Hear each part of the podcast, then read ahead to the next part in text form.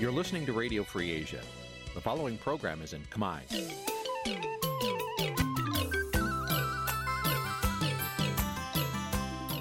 Nǐ ជាកម្មវិធីផ្សាយ Vuthu Azizi Serai នេះជាកម្មវិធីផ្សាយរបស់ Vuthu Azizi Serai ជាភាសាខ្មែរ Vuthu Azizi Serai សូមស្វាគមន៍លោកអ្នកនាងទាំងអស់ពីរដ្ឋធានី Washington នៃសហរដ្ឋអាមេរិកពីរដ្ឋធានី Washington នាងខ្ញុំសុជីវីសូមជម្រាបសួរ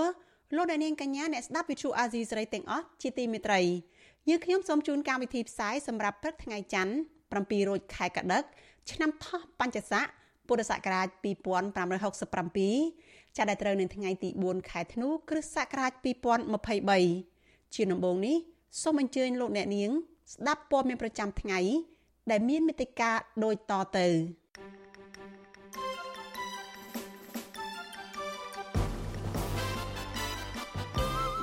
ប្រជាពលរដ្ឋនៅសង្កាត់ព្រែកជ្រៃព្រំដែនកម្ពុជាវៀតណាមព្រួយបារម្ភពីការបាត់បង់ទឹកដីទៅប្រទេសវៀតណាមពលរដ្ឋមានទំនាស់ដីធ្លីមិនរំពឹងថាក្រមការងាររដ្ឋាភិបាលចុះមូលដ្ឋាន អាចជួយដោះស្រាយបញ្ហាឲ្យពួកគេយុវជនស្នើរដ្ឋាភិបាលលោកហ៊ុនម៉ាណែតលុបចោលអនុក្រឹត្យរបស់លោកហ៊ុនសែនដែលបានកាត់ដីឧស្សាហជាតិទៅឲ្យក្រុមហ៊ុនឯកជនបកក្រៅរដ្ឋាភិបាលនិងប្រជាពលរដ្ឋ ទាមទារឲ្យមេឃុំដំណាក់សុក្រំខេត្តកពតមកពីបកកាន់អំណាចបង្ហាញរបាយការណ៍ធ្វើផ្លូវនៅក្នុងឆ្នាំ2022រួមនឹងព័ត៌មានសំខាន់សំខាន់មួយចំនួនទៀតចាជាបន្តទៅទៀតនេះនាងខ្ញុំសុជីវីសូមជូនព័ត៌មានទាំងនេះពិស្ដាចាលោកអ្នកនាងជាទីមេត្រីតំណាងពលរដ្ឋមានទំនាស់ដីធ្លី និងតំណាងកោតកោ Nagawal លើកឡើងដូចដូចគ្នាថាពួកគេមិនសូវមានក្តីរំពឹងទៅលើក្រមការងាររដ្ឋាភិបាលចុះមូលដ្ឋាន ថាអាចជួយដោះស្រាយបញ្ហារបស់ប្រជាពលរដ្ឋបាននោះឡើយមន្ត្រីអង្គការសង្គមស៊ីវិលយល់ឃើញថាការបង្កើតក្រុមការងាររបស់រដ្ឋាភិបាលចុះមូលដ្ឋានមិនត្រឹមតែបង្កើនបន្ទុកចំណាយថវិកាជាតិតែប៉ុណ្ណោះទេប៉ុន្តែក៏អាចបង្កទំនាស់ការងារជាមួយនឹងអាជ្ញាធរថ្នាក់ក្រោមជាតិផងដែរចាលោកមានរិទ្ធមានសេចក្តីរាយការណ៍អំពីរឿងនេះតំណាងប្រជាពលរដ្ឋមានទំនាស់ដីធ្លីនិងវិវាទការងារលើកឡើងស្រដៀងស្រដៀងគ្នាថា មូលហេតុសំខាន់ដែលរដ្ឋាភិបាលមិនអាចដោះស្រាយបញ្ហាឲ្យពួកគាត់បាន គឺដោយសារតែរដ្ឋាភិបាលមិនមានឆន្ទៈពិតប្រាកដគ្រប់គ្រងដល់ប្រជាពលរដ្ឋដែលជាជនរងគ្រោះពលគឺមិនមែនបណ្ដាលមកពីកង្វះខាតមន្ត្រីចុះស្វែងយល់ពីបញ្ហារបស់ពួកគាត់នោះឡើយ តំណាងសហគមន៍សាលាខ្មែរឃុំអូបីជាន់ខេត្តបន្ទាយមានជ័យលោកសៀនវីប្រាវិសុយស៊ីស្រីថាដោយសារភាគីទំនាស់ដីធ្លីរបស់សហគមន៍លោកប្រមាណ170ហិកតាភាគច្រើនគឺជាមន្ត្រីជាន់ខ្ពស់របស់រដ្ឋាភិបាលដូច្នេះហើយសហគមន៍លោកមិនសូវរំពឹងថាក្រមការងាររដ្ឋាភិបាលចុះមូលដ្ឋានអាចជួយដោះស្រាយបញ្ហាដីធ្លីរបស់សហគមន៍លោកបាននោះឡើយ លោកបានថែមថាបើសិនជារដ្ឋាភិបាលពិតជាមានឆន្ទៈចង់ដោះស្រាយបញ្ហាដីធ្លីឲ្យសហគមន៍របស់លោកពិតប្រាកដមែននោះនោះគឺមិនចាំបាច់មានក្រុមការងាររដ្ឋាភិបាលចុះមូលដ្ឋាននោះឡើយពលគឺអភិបាលខេត្តក៏មានអំណាចគ្រប់គ្រាន់ដើម្បីដោះស្រាយជូនប្រជាពលរដ្ឋបានដែរ ហើយខ្ញុំក៏សុំសំណុំពោដែរបើគាត់បង្កើតឲ្យក៏មកដូចមុនមុនទៀតមុនមុនខ្ញុំជួបអស់ហើយដូចគាត់អត់មានបានធ្វើអីផងដូចមកតែរំខានដែលដែលថាលើកនេះខ្ញុំមិនទាន់ហ៊ានថាគាត់ទេគាត់ថាសំណុំពោថាគាត់បង្កើតឲ្យសូមឲ្យអស់លោកដែលគាត់មានបុណ្យស័ក្តិមានទួនាទីហ្នឹងគាត់ធ្វើដើម្បីជាបរដ្ឋផងទៅបើជាបរដ្ឋអត់ណាពួកគាត់បើនិយាយទៅវិឡាទៅគ្រប់គ្រប់គ្នាអីហ្នឹង ស្រដៀងគ្នានេះដែរតំណាងក្រុមកោតក្រកាស៊ីណូ Nagavel លោកស្រីមុំសវត្ថិនប្រាប់វិសុវអាស៊ីស្រីនៅថ្ងៃទី3ខែធ្នូថាបើទោះបីជារដ្ឋាភិបាល បង្កើតក្រុមការងាររដ្ឋាភិបាលចុះមូលដ្ឋានយ៉ាងណាក៏ដោយក៏លោកស្រីមិនរំពឹងថាក្រុមកោតក្រ Nagavel អាចទទួលបានដំណោះស្រាយទំនាស់ការងារតាមរយៈក្រុមការងារនេះទេ លោកស្រីបន្តថាបើក្រសួងការងារជំរុញឲ្យអនុវត្តច្បាប់ស្តីពីការងារបានត្រឹមត្រូវនោះបញ្ហាទំនាស់ការងាររបស់បុគ្គលិក Nagawal ក៏នឹងអាចដោះស្រាយបានយ៉ាងរលូនដោយមិនចាំបាច់មានភាគីពាក់ព័ន្ធដទៃទៀតជួយនោះឡើយអ្នកកាន់កូនសោគឺនៅគាត់គឺនៅថ្នាក់ដឹកនាំរបស់ប្រទេសកម្ពុជាគឺរដ្ឋាភិបាលថ្មីដែលមានសម្ដេចបវរធិបតីហ៊ុនម៉ាណែតហ្នឹងហើយដែលគាត់ជាអ្នកកាន់កូនសោហើយចាក់សោហ្នឹងដើម្បីរកយុត្តិធម៌ឲ្យប្រជាជនខ្លួនឯងប៉ុន្តែបើសិនជាគាត់ធ្វើនៅស្ងៀមដោយឪពុកគាត់ខ្ញុំជឿថាប្រជាជនខ្លួនឯងនឹងមិនបានយុត្តិធម៌ពីសំណាក់អ្នកមានអំណាចអ្នកមានលុយទេ បន្ថែមពីលើការបង្កើតក្រុមការងាររដ្ឋាភិបាលចុះមូលដ្ឋានចំនួន4ខេត្តក្រុង កាលពីថ្ងៃទី2ខែធ្នូប្រព័ន្ធផ្សព្វផ្សាយស្និទ្ធនឹងរដ្ឋាភិបាលឲ្យដឹងថាលោកហ៊ុនម៉ាណែតបានបង្កើតក្រុមការងាររដ្ឋាភិបាលចំនួន10ផ្សេងទៀតកាលពីថ្ងៃទី30ខែវិច្ឆិកាក្រុមការងាររដ្ឋាភិបាលទាំងនោះរួមមានរដ្ឋមន្ត្រីក្រសួងកសិកម្មរុក្ខាប្រមាញ់និងនេសាទលោកដិតទីណា ជាប្រធានក្រុមការងាររដ្ឋាភិបាលចុះមូលដ្ឋានខេត្តបន្ទាយមានជ័យ រដ្ឋមន្ត្រីក្រសួងការពារជាតិលោកទាសីហា ជាប្រធានក្រុមការងាររដ្ឋាភិបាលចុះមូលដ្ឋានខេត្តកោះកុងនិងខេត្តសៀមរាបនិងរដ្ឋមន្ត្រីក្រសួងមុខងារសាធារណៈលោកហ៊ុនម៉ាណីជាប្រធានក្រុមការងាររដ្ឋាភិបាលចុះមូលដ្ឋានខេត្តកំពង់ស្ពឺជាដើម សេចក្តីណែនាំស្តីពីទូនាទីរបស់ក្រុមការងាររដ្ឋាភិបាលចុះមូលដ្ឋាន បង្ហាញថាក្រុមការងារថ្មីរបស់រដ្ឋាភិបាលនេះមានទូនាទីសំខាន់សំខាន់ចំនួន6ក្នុងនោះរួមមានដូចជាការលើកកម្ពស់ទំនាក់ទំនងរវាងរដ្ឋាភិបាល និងប្រជាពលរដ្ឋជំរុញដល់ការដោះស្រាយបញ្ហាផ្សេងៗរបស់ប្រជាពលរដ្ឋនិងរៀបចំវេទិកាសាធារណៈដើម្បីស្វែងយល់ពីទុកកង្វល់និងសំណើរបស់ប្រជាពលរដ្ឋ វិសុវអាស៊ីស្រីមិនអាចតាក់ទងប្រធានអង្គភិបអ្នកនាំពាក្យរដ្ឋាភិបាល លោកប៉ែនបូណាដើម្បីសុំការបកស្រាយជុំវិញរឿងនេះបាននៅឡើយទេនៅថ្ងៃទី3ខែធ្នូរីឯអ្នកនាំពាក្យសមាគមការពារសិទ្ធិមនុស្សអាត់ហុកលោកសឹងសានករណាមានប្រសាសន៍ថាការបង្កើតក្រុមការងាររដ្ឋាភិបាលចុះមូលដ្ឋាននេះគឺមិនត្រឹមតែបង្កើនបន្ទុកចំណាយថវិកាជាតិតែប៉ុណ្ណោះទេ តែថែមទាំងអាចបង្កឲ្យមានទំនាស់ការងារជាមួយអាជ្ញាធរថ្នាក់ក្រោមជាតិទៀតផង លោកបន្តថារដ្ឋាភិបាល គួរចំណាយថវិកាជាតិគ្រប់គ្រងដល់អាជ្ញាធរថ្នាក់ក្រោមជាតិជាជាងដាក់បន្ទុកការងារបន្ថែមឲ្យមន្ត្រីជាន់ខ្ពស់ដែលមិនធ្វើការផ្ទាល់ជាមួយប្រជាពលរដ្ឋនៅមូលដ្ឋានផងនោះ។ កន្លងមករឿងរ៉ាវពួកគាត់នឹងបានកើតជាហូរហែបានដឹងបានលឺហើយនៅតែមិនអាចមានការដោះស្រាយបានអញ្ចឹងខ្ញុំយល់ថាគួរតែមានការឆ្លើយតបរឿងរ៉ាវនឹងទៅដោយប្រើប្រាស់ស្ថាប័នដែលមានស្រាប់នឹងធ្វើទៅមិនចាំបាច់ឲ្យមានគណៈកម្មការចុះទៅពង្រឹងថែមអីចឹងទៀតទេគឺគ្រាន់តែថាមានការឆ្លើយតបដោះស្រាយជូនពួកគាត់ទៅវាជាការស្រេចបាត់ទៅហើយ ក្រៅពីមើលឃើញថាការបង្កើតក្រុមការងាររដ្ឋាភិបាលចុះមូលដ្ឋាន គឺជាការអនុវត្តផ្ទុយទៅនឹងគោលនយោបាយវិមជ្ឈការដែលកាត់បន្ថយអំណាចរដ្ឋាភិបាលកណ្ដាលឲ្យទៅអាជ្ញាធរថ្នាក់ក្រោមជាតិហើយនោះអ្នកសិក្សាផ្នែកច្បាប់លើកឡើងថាការបង្កើតក្រុមការងារថ្មីនេះ គឺដូចគ្នាទៅនឹងការចាត់តាំងគណៈពង្រឹងគណៈបកប្រជាជនកម្ពុជានៅតាមមូលដ្ឋានដែរដោយខុសគ្នាតែការចំណាយនិងការប្រើប្រាស់សម្ភារៈដែលគឺជាបន្ទុកចំណាយថវិកាជាតិវិញតែប៉ុណ្ណោះខ្ញុំបានមេរិត Visual Asia ស្រីពីរដ្ឋធានី Washington លោកអ្នកនាងកំពុងស្ដាប់វិទ្យុអាស៊ីសេរីផ្សាយចេញពីរដ្ឋធានី Washington សហរដ្ឋអាមេរិក ជំទប់ទី1និងទី2មកពីគណៈបកក្រៅរដ្ឋាភិបាល និងប្រជាពលរដ្ឋរស់នៅឃុំដំណាក់សុក្រំស្រុកដងទុងខេត្តកំពតទាមទារឲ្យមេឃុំមកពីគណៈបកកណ្ដាលអំណាចបង្ហាញរបាយការណ៍ធ្វើផ្លូវកាលពីឆ្នាំ2022ដែលពួកគាត់អះអាងថា ការធ្វើផ្លូវនោះមានភាពមិនប្រក្រតីនិងអាចមានការប្រព្រឹត្តអំពើពុករលួយចាមេឃុំបកកាន់អំណាចថាមិនបានប្រព្រឹត្តអំពើពុករលួយដោយការចោទប្រកាន់នោះឡើយ ជំទប់ឃុំបកក្រៅរដ្ឋាភិបាលនិងប្រជាពលរដ្ឋទាមទារឲ្យមេឃុំមកពីគណៈបកប្រជាជនកម្ពុជា បង្ហាញរបាយការណ៍ចំណាយអភិវឌ្ឍនៅក្នុងឃុំឲ្យប្រជាពលរដ្ឋបានដឹងជាសាធារណៈជំទប់ទី1នៃឃុំដំណាក់សុក្រំមកពីគណៈបកប្រជាធិបតេយ្យមូលដ្ឋានលោកអ៊ុនសផលប្រាប់វិទ្យុអាស៊ីសេរីនៅថ្ងៃទី3ខែធ្នូថាផែនការក្នុងឃុំនៅក្នុងឆ្នាំ2022 ដែលមានគម្រោងធ្វើផ្លូវថ្នល់ក្រាលគ្រួសក្រហមមួយខ្សែប្រវែង6គីឡូម៉ែត្រត្រូវចំណាយលុយជាង100លានរៀលចាប់ផ្ដើមតាំងពីឆ្នាំ2022មកនោះរហូតមកដល់ពេលនេះផ្លូវនេះនៅធ្វើមិនទាន់រួចនៅឡើយទេដោយផ្លូវនេះទើបធ្វើបានជាង4គីឡូម៉ែត្រប៉ុណ្ណោះលោកបន្តថាមេឃុំបកកណ្ដាលអំណាចនិងស្មានដំណាក់សុក្រំ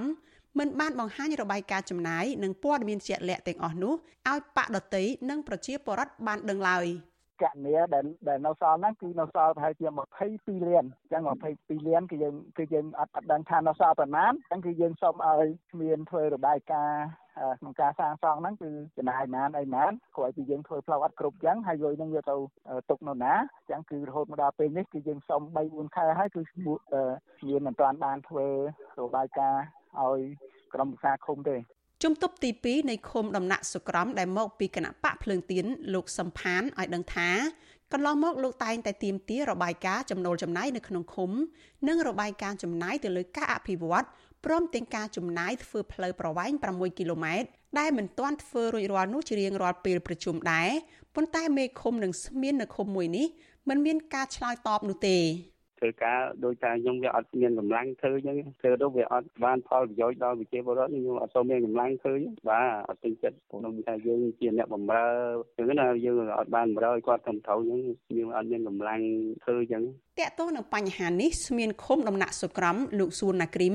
សូមមិនធ្វើអត្ថាធិប្បាយលើរឿងនោះទេគ្រាន់តែបញ្ជាក់ថាលោកបានធ្វើរបាយការណ៍បង្ហាញទៅមេឃុំរួចរាល់ហើយចំណែកមេឃុំដំណាក់សុក្រមលោកណៃណន ច្រានចោលការចោទប្រកាន់របស់ក្រុមប្រឹក្សាឃុំនិងប្រជាពលរដ្ឋដោយលោកអះអាងថា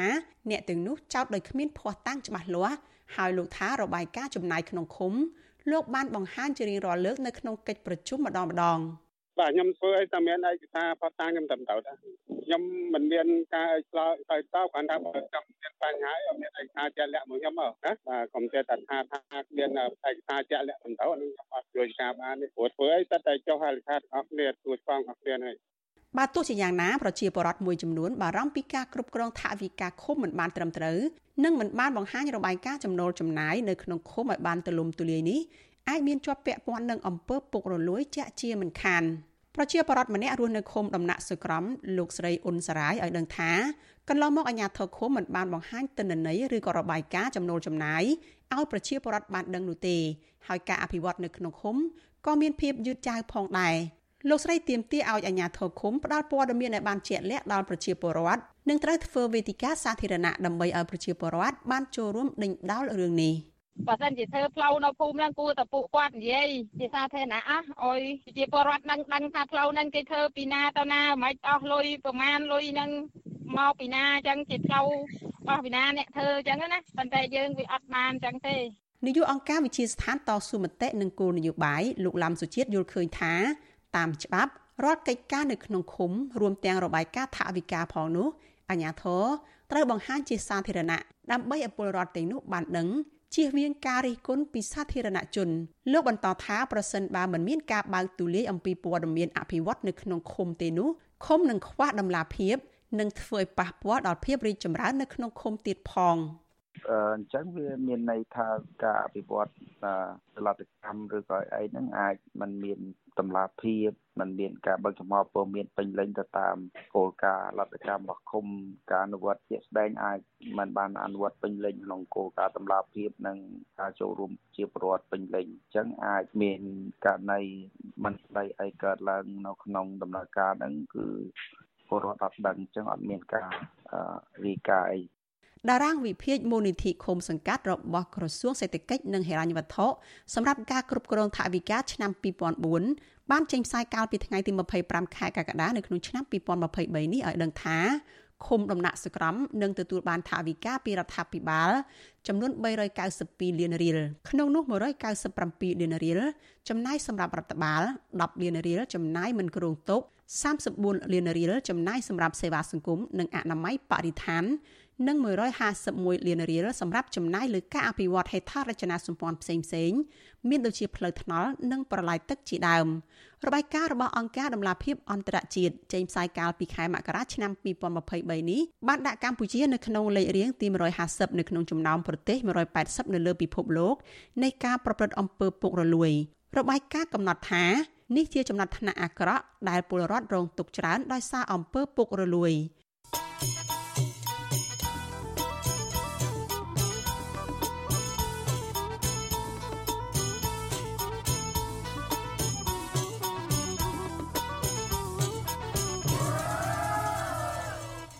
លោកអ្នកនាងប្រិយមិត្តអ្នកស្ដាប់ជាទីមេត្រីចាព័ត៌មានពីព្រំដែនកម្ពុជាវៀតណាមឯណោះឲ្យដឹងថាប្រជាពលរដ្ឋដែលកំពុងតែរស់នៅក្បែរព្រំដែនកម្ពុជាវៀតណាមនៅក្នុងសង្កាត់ព្រែកជ្រៃក្រុងសំពៅពូនខេត្តកណ្ដាលព្រួយបារម្ភពីផលប៉ះពាល់ជីវភាពពីការតាំងទីលំនៅឋានរបស់និគមជនវៀតណាមមួយចំនួននៅតាមព្រំដែន ពួកគេលើកឡើងថារដ្ឋាភិបាលគួរតែអនុវត្តច្បាប់អន្តោប្រវេសន៍ឲ្យបានត្រឹមត្រូវចំពោះនិគមជនវៀតណាមមួយចំនួនដែលតាំងទីលំនៅនៅក្បែរព្រំដែនទាំងនោះសកម្មជនកិច្ចព្រមព្រៀងសន្តិភាពទីក្រុងប៉ារីសយល់ឃើញថារដ្ឋាភិបាលមិនគួរបណ្តែតបណ្តោយឲ្យជនបរទេសតាំងទីលំនៅជាប់ព្រំដែនបែបនេះឡើយព្រោះសកម្មភាពបែបនេះអាចនឹងបង្កឲ្យមានចំនួនព្រំដែននៅក្នុងពេលអនាគតចាលោកអ្នកនាងនឹងបានស្ដាប់សេចក្តីរាយការណ៍នេះពុស្ដានៅក្នុងការផ្សាយរបស់យើងនៅពេលបន្តិចទៀតនេះ លោកអ្នកនាងកញ្ញាប្រិយមិត្តជាទីមេត្រីចាគិតមកដល់ពេលនេះក្រុមហ៊ុនរបស់អ្នកស្រីជឹងសុគន្ធធីវីដែលជាកូនស្រីរបស់យីភូទទួលបានដីឧស្សាហជាតិគិរីរំជាង400ហិកតាហើយបន្ទាប់ពីអតីតនាយរដ្ឋមន្ត្រីលោកហ៊ុនសែនបានកាត់ដីឧស្សាហជាតិគិរីរំនេះជាង200ហិកតាបន្ថែមទៀតទៅឲ្យក្រុមហ៊ុននេះកាលពីខែសីហាកន្លងទៅមុននឹងលោកចុះចេញពីតំណែងជានាយករដ្ឋមន្ត្រីសកម្មជនបរិស្ថានជំរុញឲ្យរដ្ឋាភិបាលដឹកនាំដោយលោកហ៊ុនម៉ាណែតលុបចោលអនុក្រឹត្យនោះវិញ ពីព្រោះការកាត់ដីឧស្សាហជាតិជាបន្តបន្ទាប់គឺជាគំរូអាក្រក់សម្រាប់មេដឹកនាំជំនាន់ក្រោយចាកញ្ញាខណ្ឌលក្ខណារាយការណ៍អំពីរឿងនេះអតីតនាយករដ្ឋមន្ត្រីលោកហ៊ុនសែនបានកាត់ដីឧស្សាហជាតិព្រះសូរាមរិតឬហៅថាឧស្សាហជាតិគិរីរំជាង200ហិកតាបន្ថែមទៀតឲ្យក្រុមហ៊ុនឯកជនមួយដែលមានមុខចំនួនស្និទ្ធនឹងគ្រួសារត្រកូលហ៊ុនដើម្បីវិនិយោគអភិវឌ្ឍទេសចរ ក្នុងអនុក្រឹត្យចុះថ្ងៃទី2ខែសីហាឆ្នាំ2023ដែលចុះហត្ថលេខាដោយលោកហ៊ុនសែនបានសម្រេចធ្វើអនុប្រយោគផ្ទៃដីទំហំជាង221ហិកតាស្ថិតនៅក្នុងតំបន់ប្រើប្រាស់ដោយចីរភាពនៃឧស្សាហជាតិព្រះសូរាមរិតកុសមគិរីរំស្ថិតនៅក្នុងឃុំត្រែងត្រយឹងស្រុកភ្នំស្រួយខេត្តកំពង់ស្ពឺពីទ្រព្យសម្បត្តិសាធារណៈរបស់រដ្ឋ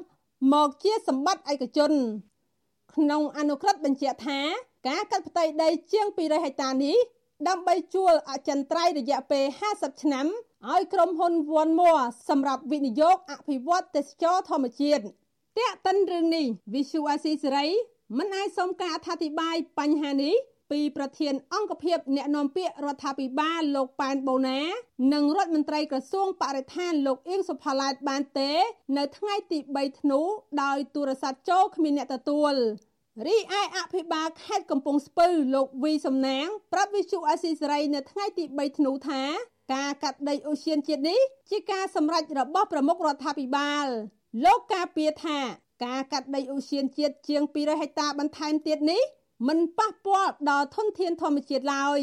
មិនមែនទៅបំផ្លាញព្រៃឈើសត្វព្រៃណាអាហ្នឹងសម្រាប់ការយល់ឃើញរបស់ខ្ញុំជាអ្នកជំនាញខាងព្រៃឈើបាទខ្ញុំរៀនខាងមេព្រៃពូមិនដឹងក្មួយអានឹងការសម្រេចរបស់ថ្នាក់ជាតិ ការសម្រេចរបស់ថ្នាក់ជាតិនៅពេលដែលយើងយល់ថាវិស័យមួយណាវាបំរើឲ្យវិស័យសេដ្ឋកិច្ចល្អសម្រាប់ប្រជាពលរដ្ឋសម្រាប់ប្រទេសជាតិយើងធ្វើទៅលើវិស័យនោះហើយបើក្មួយឯងចេះគិតថានឹងវា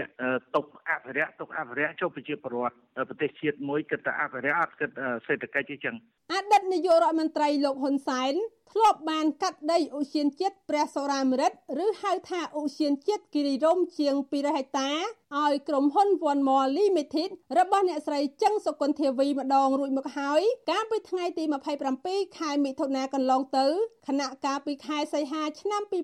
2023លោកហ៊ុនសែនក៏បានកាត់ដីឧស្សាហជាតិគិរីរំជាង200ហិកតាបន្ថែមទៀតដើម្បីប្រគល់ឲ្យក្រុមហ៊ុននេះអ្នកស្រីចឹងសុគន្ធាវី ដែលជាកូនបង្កើតរបស់អ្នកស្រីចឹងសុភាពហៅយាយភូនិងជាដៃគូជំនួញជាមួយគ្រួសារត្រកូលហ៊ុននេះគឺជាអគ្គនាយិកាក្រុមហ៊ុន One More Limited ក្រុមហ៊ុនបុតសម្ព័ន្ធមួយនេះមានក្រុមហ៊ុន NVC Corporation ផលិតទឹក Vital ក្រុមហ៊ុនផលិតមីជាតិភោជនីយដ្ឋាន និងសហគ្រាសឱសថកម្ពុជា ដែលកូនស្រីបង្កើតលោកហ៊ុនសែនគឺអ្នកស្រីហ៊ុនម៉ាណា ធ្លាប់ជានាយិកា NVC នោះជុំវិញរឿងនេះយុវជនចលនាមេដាធម្មជាតិលោកថនរដ្ឋាថ្លែងថា លោកព្រួយបារម្ភចំពោះវាសនាឧស្សាហជាតិនេះ អាចហិនហោចអស់ព្រៃឈើបាត់ចម្រោកសត្វនិងជីវៈចម្រុះផ្សេងផ្សេងទៀតនៅថ្ងៃអនាគតខណៈបុគ្គលដែលទទួលបានដីឧស្សាហជាតិនេះជាអ្នកដែលមានប្រវត្តិមិនល្អ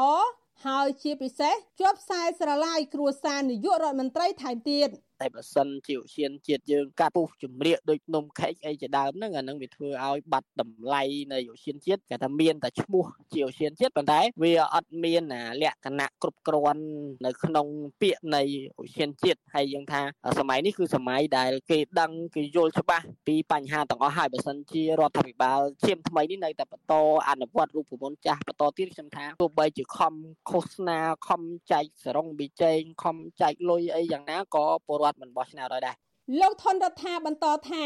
លោកនៅតែនិយាយនឹងតស៊ូមតិពីបញ្ហាបរិស្ថានបន្តទៀតទោះបីជាបច្ចុប្បន្នរូបលោក និងសមាជិកមេដាធម្មជាតិផ្សេងទៀតកំពុងជាប់បណ្ដឹងនៅតុលាការហើយប្រឈមនឹងការចាប់ដាក់ពន្ធនាគារជាថ្មីក៏ដោយស្រដៀងគ្នានេះដែរសកម្មជនសង្គមលោកម៉ាចត្រាយល់ថា ការកាត់ដីអូសៀនជាតិបន្តបន្ទាប់នេះគឺជាការខុបខិតគ្នារវាងមន្ត្រីជាន់ខ្ពស់រដ្ឋាភិបាលនិងក្រុមហ៊ុនឯកជន ដែលស្ថិតនឹងគ្រួសារត្រកូលហ៊ុនឬជាប់សាច់ឈាមនឹងគ្រួសារលោកហ៊ុនសែនលោកចាត់ទុកការកាត់ដីអូសៀនជាតិក្រោមការដឹកនាំរបស់លោកហ៊ុនសែនដែលជាអតីតនាយករដ្ឋមន្ត្រីកម្ពុជា ថាជាគំរូអាក្រក់សម្រាប់មេដឹកនាំចំនួនក្រោយ លោករំពឹងថាលោកហ៊ុនម៉ាណែតនឹងមិនយកគំរូនេះ ពីព្រោះធនធានធម្មជាតិគឺជាទ្រព្យសម្បត្តិរបស់ប្រជាពលរដ្ឋខ្មែរទាំងអស់គ្នា ដោយនាយករដ្ឋមន្ត្រីគ្មានសិទ្ធិកាត់និងចាត់ចែងដោយគ្មានសួរមតិពីប្រជាពលរដ្ឋដែលជាម្ចាស់ប្រទេសបែបនេះឡើយ។បើយើងមើលឃើញថាវាជាឧស្សាហជាតិទៅហើយយើងគួរតែទុកវាទៅជាតំបន់សម្រាប់សាធារណជនមិនមែនសម្រាប់ឲ្យក្រុមហ៊ុនឯកជនណាមួយទៅកាន់កាប់បែបនេះទេព្រោះអីចំនួនរាប់រយហិកតានេះវាច្រើនណាស់សម្រាប់ប្រជាពលរដ្ឋខ្មែរហើយក៏សង្ឃឹមថាបើសិនជារដ្ឋាភិបាលអាណត្តិក្រោយនេះអាចធ្វើបានគួរតែពិចារណាដកមិនឲ្យមានការធ្វើបែបនេះបន្តទៀតក៏ដូចជាការលុបចោលអនុក្រឹត្យបែបហ្នឹងព្រោះអីវាចាស់ណាឆ្លោះបញ្ចាំងឲ្យឃើញថារដ្ឋាភិបាលយើងវាលក្ខណៈថាបពពួកនិយមហើយអាចថាដល់គ្រួសារនិយមដូចដែលគេធ្លាប់លើកឡើងពីមុនមកចឹងដែរណាបាទលោកម៉ែចត្រាថាការកាត់ដីអូសៀនជាតិប្រគល់ឲ្យក្រុមហ៊ុនស្និទ្ធនឹងគ្រួសារនាយករដ្ឋមន្ត្រីនេះមិនបានចំណេញអ្វីដល់ប្រយោជន៍ជាតិច្រើនឡើយប៉ុន្តែលោកថាអាចផ្ដល់ផលចំណេញដល់គ្រួសារនិងបពពួកអ្នកមានអំណាចទៅវិញ កាលពីឆ្នាំ1993ព្រះបាទសម្ដេចព្រះនរោត្តមសីហនុ ព្រះអង្គបានកំណត់តំបន់គិរីរម្យដែលមានផ្ទៃដីជាង35000ហិកតា ជាតំបន់អូសៀនជាតិដើម្បីថែរក្សាធនធានធម្មជាតិនិងបម្រើឲ្យវិស័យទេសចរដោយមិនឲ្យខូចខាតបរិស្ថានឡើយ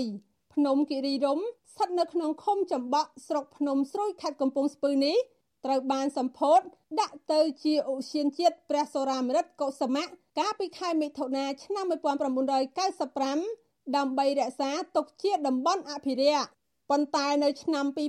2013លោកហ៊ុនសែនបានកាត់ជ្រៀតដីទីតាំងអូសៀនជាតិមួយផ្នែកធំជួលទៅឲ្យក្រុមហ៊ុនឯកជនយ៉ាងហោចណាស់ចំនួន2វិនិយោគរយៈពេលយ៉ាងយូរឆ្នាំ ដែលពុះជ្រៀកជាកង់ជាកង់ក្នុងនោះមានក្រុមហ៊ុនរបស់អង្គការសុកគង្គនិងក្រុមហ៊ុន Asia 2 Asia របស់ជប៉ុនឧស្សាហជាតិគិរីរម្យ គឺជាតំបន់ខ្ពង់រាបប្រជុំភ្នំតូចធំជាច្រើនក្របដណ្ដប់ដោយដើមឈើស្រល់និងព្រៃធម្មជាតិជាច្រើនប្រភេទដុះដាលតាមជើងភ្នំស្រស់ស្អាត និងមានសត្វព្រៃជាច្រើនប្រភេទរស់នៅ តំបន់នោះ មានជ្រោះនិងអូរធម្មជាតិទឹកធ្លាក់តាមចន្លោះភ្នំនីមួយៗផ្ដល់អំណោយផលគបប្រសើរលើវិស័យទេសចរធម្មជាតិសង្គមស៊ីវិលព្រួយបារម្ភថា បើរដ្ឋាភិបាលមិនលុបចោលការកាត់ដីឲ្យក្រុមហ៊ុនឯកជន ក្នុងទំហំរាប់រយហិកតានេះទេនឹងបង្កផលប៉ះពាល់ដល់សង្គមនិងសម្បត្តិធម្មជាតិសត្វព្រៃជំរកសត្វការបំរែបំរួលអាកាសធាតុកាន់តែធ្ងន់ធ្ងរពីព្រោះព្រៃឈើនៅតំបន់នោះ អាចប្រឈមនឹងការឈូសឆាយកំទេចចោលខ្ញុំខណ្ឌលក្ខណាវិសុអាស៊ីសេរី លោកអ្នកនាងជាទីមេត្រីចាព័ត៌មានតកតងនឹងជនពិការវិញម្ដង គ្រូបង្រៀនជាជនពិការស្នើដល់រដ្ឋាភិបាលឲ្យបង្កើនការយកចិត្តទុកដាក់ទៅលើជនដែលមានពិការភាពជាមួយគ្នានេះមន្ត្រីអង្គការសង្គមស៊ីវិលជំរុញដល់រដ្ឋាភិបាលឲ្យពង្រឹងការអនុវត្តគោលនយោបាយគាំពៀដល់ជនមានពិការភាព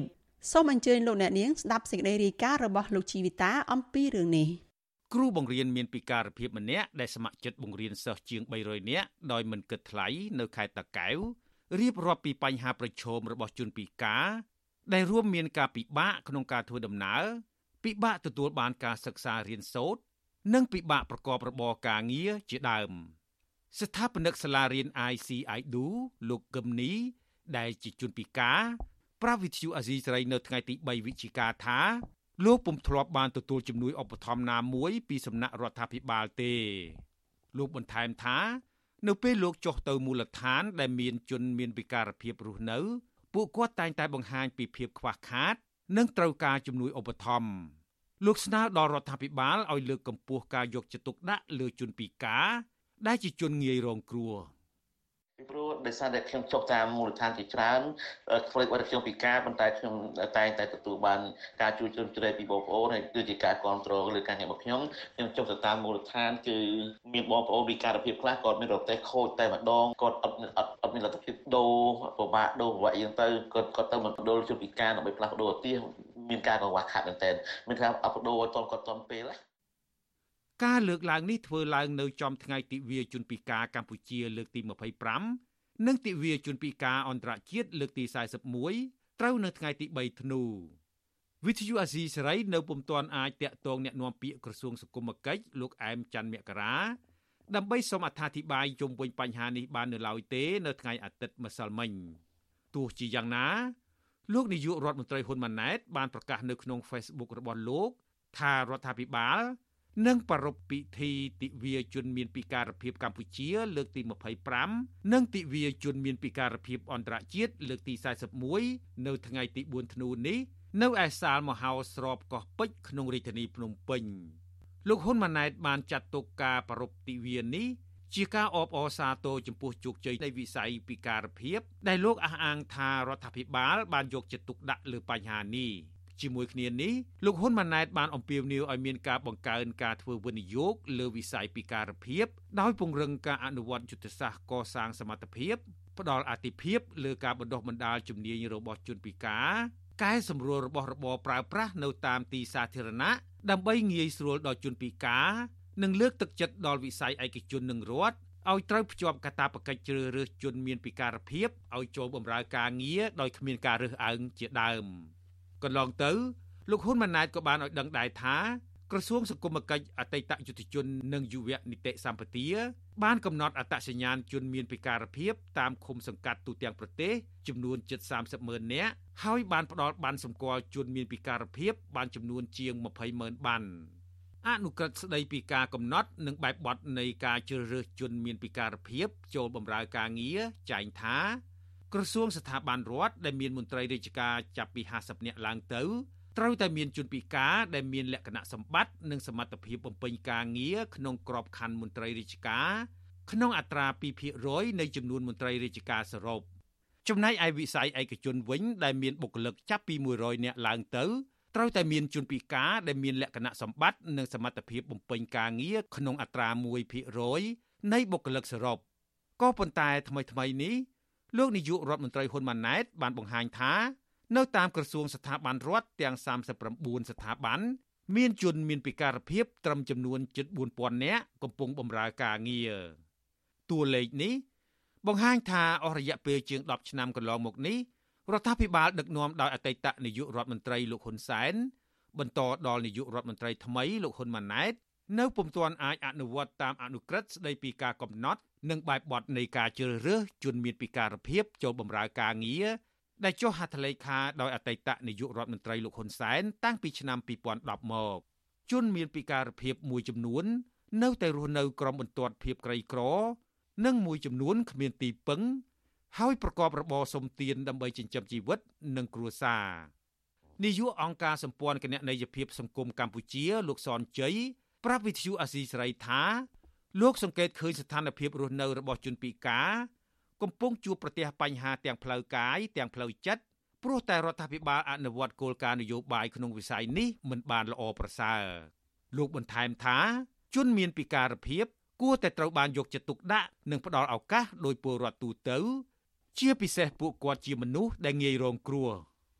ការដែលផ្ដល់ឱកាសឲ្យជនមានវិការភាពមានការងារធ្វើតាមរយៈជំនាញទុនរបស់គាត់ណាបាទពីច្រើនគឺគឺយើងចង់ផ្ដោតទៅលើការងារដែលគាត់អាចទទួលបានតាមរយៈជំនាញទុនព្រោះគាត់អត់មានកម្លាំងគ្រប់គ្រាន់ទៅធ្វើការងារធំដុំដូចជារឿងលីសែងរឿងការងារធ្ងន់ធ្ងរទេប៉ុន្តែគាត់អាចមានជំនាញជា soft skill ជាជាជាជំនាញទុនហ្នឹងគាត់អាចនឹងចូលរួមទទួលបាននៅការងារនៅក្នុងវិស័យឯកជនវិស័យការងាររដ្ឋឬក៏ការងារសង្គមស៊ីវិលអីជាដើមស្ថាបនិកសាលារៀន ICIDU លោកកឹមនីដែលជាជនមានពិការភាពទទូចដល់រដ្ឋាភិបាលឲ្យបំពេញតម្រូវការចាំបាច់ជាជំនួយដល់ជនមានពិការភាពដូចជាឈើច្រត់រទេះរុញនិងឧបករណ៍ជំនួយផ្សេងទៀតជាពិសេសសម្រាប់ជនមានពិការភាពនៅតំបន់ដាច់ស្រយាលខ្ញុំជីវិតាអាស៊ីសេរី លោកអ្នកនាងជាទីមេត្រីព័ត៌មានតកតងនឹងយុទ្ធនាការទៀមទារដ្ឋាភិបាលបញ្ឈប់អំពើហិង្សាលើស្ត្រីនិងក្មេងស្រីវិញម្ដងក្រុមអង្គការសង្គមស៊ីវិលចំនួន20ស្ថាប័នរួមគ្នាធ្វើយុទ្ធនាការរយៈពេល16ថ្ងៃនៅក្រោមប្រធានបទគ្មានអំពើហិង្សាលើស្ត្រីនិងក្មេងស្រីដើម្បីសេដ្ឋកិច្ចនិងយុត្តិធម៌សង្គមក្នុងគោលបំណងជំរុញរដ្ឋាភិបាលលុបបំបាត់ការប្រើអំពើហិង្សាគ្រប់ទម្រង់និងគ្រប់វិស័យការងារនៅលើស្ត្រីក្រមស្ត្រីដែលរងការរំលោភសិទ្ធិមនុស្ស និងការបៀតបៀនរាងកាយស្នើរដ្ឋាភិបាលគិតគូរពីបញ្ហាទាំងអស់នេះដើម្បីលើកកម្ពស់សិទ្ធិស្ត្រី និងបញ្ឈប់បបធរនៃទណ្ឌភាពនៅកម្ពុជាចារុជាតិចំណានរាយការណ៍ព័ត៌មាននេះមន្ត្រីអង្គការសង្គមស៊ីវិលសមាជិកសមាគមសមាជិកសហជីពនិងអ្នកធ្វើការសេដ្ឋកិច្ចក្រៅប្រព័ន្ធប្រមាណ500នាក់បានជួបជុំគ្នានៅទីលានប្រជាធិបតេយ្យក្នុងរាជធានីភ្នំពេញ ដើម្បីសម្ដែងមតិពីបញ្ហាប្រឈមរបស់ស្ត្រីនិងក្មេងស្រីដែលកំពុងកើតមានឡើងនៅក្នុងកន្លែងការងារនិងការតស៊ូមតិដើម្បីយុត្តិធម៌សង្គមយុទ្ធនាការ16ថ្ងៃប្រឆាំងនឹងការប្រើអំពើហិង្សាលើស្ត្រីនិងក្មេងស្រីធ្វើឡើងក្រោមការសហការគ្នារវាងអង្គការសមាគមសហជីពចំនួន20ស្ថាប័នរួមមានសមាគមប្រជាធិបតេយ្យឯករាជ្យនៃសេដ្ឋកិច្ចក្រៅប្រព័ន្ធនិងមជ្ឈមណ្ឌលសម្ព័ន្ធភាពការងារនិងសិទ្ធិមនុស្សរួមទាំងអង្គការសហជីពមួយចំនួនទៀត តំណាងគឧតកោ Nagawal លោកស្រីសុករតនាលើកឡើងថាការទៀមទាររកដំណោះស្រាយការងាររបស់ក្រុមគឧតកោជាស្ត្រីក្នុងរយៈពេលជិត3ឆ្នាំមកនេះធ្វើឲ្យស្ត្រីមួយចំនួនរងការប្រើអំពើហិង្សាការវាយដំទាត់ធាក់ពីកម្លាំងអាជ្ញាធររហូតបែកមុខបែកមាត់និងបានធ្វើឲ្យលោកស្រីបាត់បង់កូននៅក្នុងផ្ទៃផងដែរលោកស្រីបន្តថាវាជារឿងរអយុត្តិធម៌និងឈឺចាប់នៅពេលដែលស្ត្រីរងការវាយដំតែគ្រាន់តែពួកគាត់ទាមទាររកដំណោះស្រាយការងារពីតកែបនលបែងកាស៊ីណូ Naga World តែប៉ុណ្ណោះ ខ្ញុំសង្ឃឹមថាសារសម្លេងរបស់ខ្ញុំនឹងលើទៅដល់អ្នកដែលធ្លាប់ពាក់ព័ន្ធប្រើប្រាស់អំពើហិង្សាទៅលើស្ត្រីនិងកុមារដែលកំពុងតែទាមទារសិទ្ធិនៅកន្លែងធ្វើការក្តីសិទ្ធិដីធ្លីស្តីនិងតាក់ទងនឹងសិទ្ធិផ្សេងផ្សេងខ្ញុំសង្ឃឹមថាគាត់នឹងបញ្ឈប់ការប្រើប្រាស់អំពើហិង្សានេះជាបន្ទាន់ចា៎ដោយឡែកតំណាងសកម្មជនមេដាធម្មជាតិកញ្ញាភួនកែវរស្មីថ្លែងថាកញ្ញាកើតឡើងក្នុងសម័យដែលរដ្ឋាភិបាលលើកស្លាកអគុណសន្តិភាពគ្រប់ទិសទីប៉ុន្តែបែរជាមានពលរដ្ឋ សកម្មជនសង្គមនិងសកម្មជនបរិស្ថានដែលជាស្ត្រីរងការប្រាអំពើហិង្សាព្រមទាំងចាប់ដាក់ពន្ធនាគារទាំងអយុធធរក្នុងសម័យសន្តិភាពនេះទៅវិញគណៈពេលដែលពួ កយើងកំពុងតែធ្វើការដើម្បីសង្គមជាមួយនេះដោយស្មោះត្រង់ដោយសុចរិតដោយភាពស្អាតស្អំយើងត្រូវបានគេចោទប្រកាន់ថាជាជនក្បត់ជាតិជាអ្នកដែលរួមគំនិតក្បត់ជាអ្នកដែលញុះញង់និងបទល្មើសផ្សេងផ្សេងទៀតដែលជារឿងដ៏អយុត្តិធម៌មែនទែនមកដល់ពួកយើងហើយជាពិសេសក្នុងនាមយើងជាស្ត្រីប៉ុន្តែយើងនៅតែជំនះយើងនៅតែមានភាពក្លាហាននៅក្នុងការចូលរួមធ្វើការងារសង្គមនៅក្នុងវេទិកានេះក៏មានតំណាងយុវជនស្ត្រីប្រកបរបរសេដ្ឋកិច្ចក្រៅប្រព័ន្ធវិស័យសំណង់វិស័យវិជ្ជាភ័ណ្ឌវិស័យទេសចរ អ្នកធ្វើការងារតាមផ្ទះនិងកម្មករលោអិតនិងវិស័យមួយចំនួនទៀតពួកគេបានលើកឡើងពីបញ្ហាប្រឈមដែលកំពុងកើតមានឡើងដូចជាការរំលោភសិទ្ធិការងារការបំបិទសិទ្ធិពលរដ្ឋមិនឲ្យនិយាយពីបញ្ហាសង្គមការហាមឃាត់អាជីវករមិនឲ្យលក់ដូរនៅទីប្រជុំជនដោយប្រើអំពើហិង្សានិងស្ត្រីមួយចំនួនរងការបៀតបៀននៅកន្លែងការងារជាដើមឆ្លើយតបនឹងបញ្ហានេះអនុប្រធានអចិន្ត្រៃយ៍នៃគណៈកម្មាធិការជាតិប្រយុទ្ធប្រឆាំងអំពើជួញដូរមនុស្សអ្នកស្រីជូប៊ុនអេងឲ្យវិសុអសិរ័យដឹងថា រដ្ឋាភិបាលបានប្រឹងប្រែងលុបបំបាត់អំពើហិង្សាលើស្ត្រីនិងក្មេងស្រីនៅតាមបណ្ដារោងចក្រសហគ្រាសប៉ុន្តែអ្នកស្រីទទួលស្គាល់ថាបញ្ហារំលោភសិទ្ធិនិងការប្រើអំពើហិង្សានៅតែកើតមានហើយរាជរដ្ឋាភិបាលក្នុងនីតិកាលទី7នេះក៏នៅតែមានការបដិញ្ញាចិត្តខ្ពស់នៅក្នុងការប្រយុទ្ធប្រឆាំងឬមួយក៏បង្ក្រាបការនៅរាល់បទល្មើស ដែលមាននៅក្នុងសង្គមអញ្ចឹងនៅក្នុងរឿងអំពើហិង្សានៅក្នុងសង្គមឬមួយក៏អំពើហិង្សាទៅលើស្ត្រីការបៀតបៀនលើស្ត្រីនិងកុមារហ្នឹងគឺជាអតិភិបបាននឹងដាក់ចូលទៅក្នុងគេហៅផែនការជុំវិញបញ្ហានេះនាយកទទួលបន្ទុកកិច្ចការទូតនៃអង្គការសិទ្ធិមនុស្សលីកាដូលោកអំសំអាតក៏សម្គាល់ថាបញ្ហារំលោភសិទ្ធិមនុស្សការប្រាអំពើហិង្សាលើស្ត្រីដែលជាសកម្មជននយោបាយនិងអ្នកការពារសិទ្ធិមនុស្សដែលជាស្ត្រីនៅតែបន្តកើតឡើង។ លោកបន្តថារដ្ឋាភិបាលតែងតែទុកឲ្យក្រុមស្ត្រីទាំងនោះរងការប្រើអំពើហិង្សា និងបៀតបៀនផ្លូវភេទពីកម្លាំងសន្តិសុខឬប្រជាការពារប៉ុន្តែរដ្ឋាភិបាលបែរជាមិនរកយុត្តិធម៌ជូនពួកគាត់ហើយការប្រើប្រាស់អំពើហិង្សាក៏មិនដែលឃើញមានការអនុវត្តទៅតាមផ្លូវច្បាប់ទេតែផ្ទុយទៅវិញអ្នកកោតកោឬក៏អ្នកដែលតវ៉ាហ្នឹងត្រូវរងមិនដឹង ពីខាងសន្តិសុខទៅវិញអាហ្នឹងយើងឃើញមានហើយមានវិធានការតាមផ្លូវច្បាប់ទៅទៀតបាទហ្នឹងវាយើងឃើញថាវាជាការលើកទឹកចិត្តមួយដែលបន្តឲ្យមានអំពើហិង្សានឹងជាបន្តទៀតណាយុទ្ធនាការ16ថ្ងៃប្រឆាំងនឹងអំពើហិង្សាលើស្ត្រីនិងក្មេងស្រីនឹងត្រូវបិទបញ្ចប់នៅថ្ងៃទី10ខែធ្នូខាងមុខនេះដែលជាថ្ងៃប្រពៃទិវាសិទ្ធិមនុស្សអន្តរជាតិពួកគាត់ស្នើដល់រដ្ឋាភិបាលចំនួន16ចំណុចដើម្បីទប់ស្កាត់ការប្រើអំពើហិង្សាលើស្ត្រីគ្រប់និន្នាការក្នុងនោះរួមមានការចាត់វិធានការជាក់លាក់ និងបញ្ឈប់ការប្រើអំពើហិង្សាលើស្ត្រីដែលជាអ្នកការពារសិទ្ធិមនុស្សសិទ្ធិដីធ្លីបរិស្ថាន និងសិទ្ធិការងារយន្តការការពារសិទ្ធិពលករចំណាក់ស្រុកពីការកេងប្រវ័ញ្ចកម្លាំងពលកម្មនិងរៀបចំផ្ដល់កន្លែងលក់ដូរដល់អ្នកលក់ដូរជាលក្ខណៈគ្រួសារជាពិសេសរដ្ឋាភិបាលគួរតែត្រួតពិនិត្យនៅតាមរោងចក្រលអិតនិងរោងចក្រកាត់ដេរដើម្បីទប់ស្កាត់ការរំលោភសិទ្ធិការងារក្រៅពីនេះរដ្ឋាភិបាលត្រូវពន្លឿនការចុះបញ្ជីពលរដ្ឋដែលធ្វើការលើវិស័យសេដ្ឋកិច្ចក្រៅប្រព័ន្ធ និងធ្វើវិសោធនកម្មច្បាប់សម្រួលដល់លក្ខខណ្ឌការងារឲ្យតកែបង់ប្រាក់ភិកទានទៅរបបបេឡាសន្តិសុខជាតិទើបកម្មករជាស្ត្រីដែលមានផ្ទៃពោះទាំងនោះអាចទទួលបានប្រាក់ឧបត្ថម្ភ70%នៃប្រាក់ខែជាប់វិភាគទានខ្ញុំបាទជាចំណាន Visual ស៊ីស្រីប្រធានាទី Washington លោកអ្នកនាងកញ្ញាជាទីមេត្រីចាព័ត៌មានពីខេត្តបន្ទាយមានជ័យចាតតងនឹងគ្រួសាររបស់លោកកងសារ៉នដែលកំពុងជាប់ឃុំវិញម្ដងចាគ្រួសារអះអាងថាអាញាធរបានបង្ខំឲ្យលោកកងសារ៉នធ្វើលិខិតសុំទោសជាថ្នូរទទួលបានសេរីភាពឡើងវិញប៉ុន្តែបរិះដែលជាប់ពន្ធនាគារតកតងនឹងការប្រើប្រាស់ Facebook រិះគន់គណៈបកកណ្ដាលអំណាចរូបនេះច្រានចោលសំណើនោះដោយសុកចិត្តជាប់គុកបន្តទៅទៀត មន្ត្រីសិទ្ធិមនុស្សចាត់ទុកការចាប់បង្ខំឬក៏បំផិតបំភ័យឲ្យពលរដ្ឋសារភាពកំហុសឬក៏សុំទោសគឺជាទង្វើខុសច្បាប់និងរំលោភសិទ្ធិមនុស្សធ្ងន់ធ្ងរចាលោកច័ន្ទដារ៉ូរាយការណ៍ព័ត៌មាននេះគ្រួសារឲ្យដឹងថាលោកកងសារ៉នកំពុងជាប់ឃុំនៅក្នុងពន្ធនាគារខេត្តបន្ទាយមានជ័យនៅតែមានឆន្ទៈមោះមុតស្មារតីរឹងមាំជាធម្មតាដដែលជាងនេះទៅទៀត លោកសុកចិត្តជាប់គុកទាំងអយុត្តិធម៌បន្តទៀតដោយមិនសុំទោសតាមការចង់បានរបស់អាជ្ញាធរនោះទេ ពីព្រោះលោកមិនបានប្រព្រឹត្តខុសច្បាប់អ្វីឡើយ។ ប្រពន្ធរបស់លោកកងសារ៉នគឺអ្នកស្រីហងត្រឹបប្រាប់វិទ្យុអស៊ីសេរីនៅថ្ងៃទី3ខែធ្នូថាអាញាធរបានប្រាប់លោកស្រីនិងម្ដាយវ័យ102ឆ្នាំ គឺលោកយាយសួងខិនឲ្យទៅជួបលោកកងសារ៉ននៅក្នុងពន្ធនាគារកាលពីល្ងាចថ្ងៃទី2ខែធ្នូដើម្បីបញ្ចុះបញ្ចូលឲ្យគាត់សារភាពទទួលកំហុសនិងឈប់រិះគន់រដ្ឋាភិបាលជាដើម។ អ្នកស្រីបន្តថាភ្លាមភ្លាមនោះប្តីលោកស្រីបានបដិសេធធ្វើលិខិតសុំទោសដោយរក្សាជំហរដើម ដែលគាត់យល់ថាគ្មានកំហុសហើយសុកចិត្តបន្តជាប់ឃុំទន្ទឹមនឹងនេះលោកស្រីឲ្យដឹងថាអាញាធិមូលដ្ឋានក៏បានហៅលោកស្រីទៅសួរនាំដោយហាមលោកស្រីសម្ភាសជាមួយអ្នកសារព័ត៌មានថែមទៀតអុយចេញ មកវិញទៅឲ្យធានាឲ្យសុំទោសគេទៅប្តីខ្ញុំមិនអុយនេះតែខ្ញុំថាម៉េចទេនិយាយឈ្មោះអីប៉ុណ្ណោះឯងតែគាត់ថាម៉េចគិតមកទេឯងទៅទៅនៅវិញខ្ញុំលុបវិញទៅម៉េចមកយកខ្ញុំទេខ្ញុំមកវិញអត់មកជម្រាបសួរតាមថ្លៃគុំម៉ែ3ដងខ្ញុំមកវិញពីអ្នកម៉ែទៅគេដែលជួបយូរអីទៅពីម៉ាត់មកវិញតកតើងរឿងនេះមេឃុំទួលបរខេត្តបន្ទាយមានជ័យលោកតមននិងអធិការនគរបាលស្រុកម៉ាឡៃលោកបេនសំអាត បានបដិសេធឆ្លើយតបនឹងសំណួររបស់វិទ្យុអាស៊ីសេរី ទោះជាយ៉ាងណាកន្លងទៅគ្រួសារចាត់ទុកការចាប់ខ្លួន និងចោទប្រកាន់លើលោកកងសារ៉នដែលបញ្ចេញមតិនៅលើបណ្ដាញសង្គមថាជារឿងអយុត្តិធម៌ខណៈអាជ្ញាធរមិនព្រមដោះស្រាយទំនាស់ដីធ្លីឲ្យពួកគេដែលរងគ្រោះដោយសារអ្នកមានលុយមានអំណាចពួកគេទាមទារឲ្យតុលាការដោះលែងសមាជិកគ្រួសារឲ្យមានសេរីភាពឡើងវិញដោយឥតលក្ខខណ្ឌជុំវិញរឿងនេះ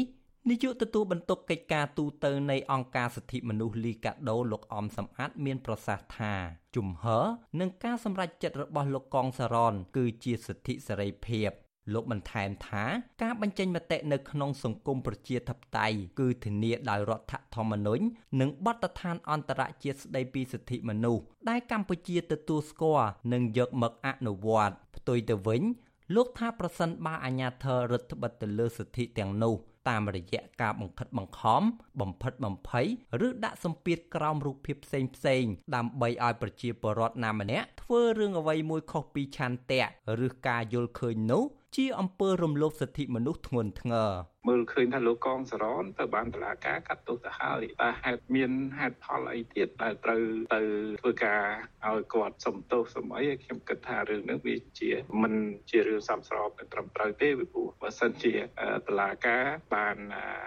ចេញសារក្រមនឹងការអនុវត្តឲ្យការចាប់ខ្លួនគាត់ទៅហើយណាបាទអញ្ចឹងអ្វីដែលសំខាន់យើងរងចាំមើលតែឧត្តរនៅក្នុងសវនាការតើអាចនឹងផ្ដល់ភាពយុត្តិធម៌ដល់លោកកងសរតនឹងបានដល់កម្រិតណានោះបាទសមត្ថកិច្ចខេត្តបន្ទាយមានជ័យបានចាប់វាយខ្នោះលោកកងសរនជាលើកទី2កាលពីល្ងាចថ្ងៃទី25ខែវិច្ឆិកាក្រោយពេលតុលាការផ្តន្ទាទោសឲ្យលោកជាប់ពន្ធនាគារ3ឆ្នាំពីបទជេរប្រមាថតាមទីសាធារណៈនិងញុះញង់បង្កឲ្យមានភាពវឹកវរធ្ងន់ធ្ងរដល់សន្តិសុខសង្គមនិងបទប្រមាថអង្គព្រះមហាក្សត្រ ការចោទប្រកាន់នេះបន្ទាប់ពីលោកកងសរន បានផ្សាយផ្ទាល់នៅលើបណ្ដាញសង្គម Facebook និយាយរិះគន់ការដឹកនាំប្រទេសរបស់គណៈបកប្រជាជនកម្ពុជា ក្នុងអំឡុងឃោសនារកសម្លេងឆ្នោត កាលពីថ្ងៃទី2ខែកក្កដាឆ្នាំ2023នៅក្នុងវីដេអូផ្សាយផ្ទាល់នោះលោកបានចោទជាសំណួរថា តើក្រោយពេលគណៈបកប្រជាជនឈ្នះឆ្នោតនឹងមានវិធានការដេញពលរដ្ឋវៀតណាមចេញឬបន្តឲ្យហូរចូលដោយខុសច្បាប់បន្តទៀតហើយក្នុងនោះលោកក៏បានរិះគន់ពីបញ្ហាគ្រឿងញៀនអំពើពុករលួយ និងបញ្ហាអសន្តិសុខមួយចំនួនទៀតតកតឹងនឹងសំណុំរឿងរបស់លោកកងសរននេះដែរលោកអមសំអាតឲ្យដឹងថាមកដល់ពេលនេះមេធាវីរបស់អង្គការលីកាដូបានប្តឹងជំទាស់ និងសាលក្រមរបស់សាលាដំបងខេត្តបន្ទាយមានជ័យរួចហើយហើយមេធាវីការពីកំពុងរងចាំដំណើរការនីតិវិធីនៅសាលាឧត្តរបន្តទៀតខ្ញុំបាទច័ន្ទដារោវុទ្ធុអាស៊ីសេរីលោកដានៀងកញ្ញាប្រិយមិត្តជាទីមេត្រីប្រជាពលរដ្ឋរស់នៅក្បែរព្រំដែនកម្ពុជាវៀតណាមនៅក្នុងសង្កាត់ព្រែកជ្រៃក្រុងសំពើពួនខេត្តកណ្ដាល ព្រួយបារម្ភពីផលប៉ះពាល់ដល់ជីវភាពពីការតាំងទីលំនៅឋានរបស់និគមជនវៀតណាមមួយចំនួននៅតាមព្រំដែនពួកគេសង្កេតឃើញថារដ្ឋាភិបាលគួរតែអនុវត្តច្បាប់អន្តោប្រវេសន៍ឲ្យបានត្រឹមត្រូវចំពោះនិគមជនវៀតណាមមួយចំនួនដែលតាំងទីលំនៅឋាននៅក្បែរព្រំដែនទាំងនេះសកម្មជនកិច្ចព្រមព្រៀងសន្តិភាពទីក្រុងប៉ារីសយល់ឃើញថារដ្ឋាភិបាលមិនគួរបណ្តែតបណ្តោយឲ្យជនបរទេសតាំងទីលំនៅជាប់ព្រំដែនបែបនេះឡើយព្រោះសកម្មភាពបែបនេះនឹងបង្កឲ្យមានចំនួនព្រំដែននៅក្នុងពេលអនាគតចាលោកមានរិទ្ធមានសេចក្តីរាយការណ៍មួយទៀតអំពីរឿងនេះសង្កាត់ព្រែកជ្រៃក្រុងសំពៅពូន មានព្រំប្រទល់ជាប់ជាមួយខេត្តមាត់ជ្រូកឬខេត្តអាងយ៉ាងនៃប្រទេសវៀតណាមប្រមាណ12គីឡូម៉ែត្របើទោះបីជាសង្កាត់ព្រែកជ្រៃមានផ្លូវកស៊ូលាតសន្ធឹងទៅដល់ព្រំដែនយ៉ាងណាក្តីក៏ប្រជាពលរដ្ឋភៀសច្រើនដែលរស់នៅក្បែរព្រំដែនកម្ពុជាវៀតណាមមិនមែនជាជនជាតិខ្មែរនោះឡើយ ក៏ប៉ុន្តែពួកគេគឺជានិគមជនជនជាតិវៀតណាមទៅវិញក្រៅពីវត្តបាក់ណាម ដែលមានព្រះសង្ឃនិងដូនជីតាជីមួយចំនួនរស់នៅហើយនោះគឺពុំមានផ្ទះប្រជាពលរដ្ឋខ្មែររស់នៅក្បែរវត្តនោះឡើយគឺមានតែផ្ទះជនជាតិវៀតណាមតែប៉ុណ្ណោះ ពលរដ្ឋរស់នៅសង្កាត់ព្រែកជ្រៃម្នាក់ប្រាប់វិសុវស៊ីស្រីក្នុងលក្ខខណ្ឌសុំមិនបញ្ចេញឈ្មោះក្នុងទឹកមុខស្រពោនថា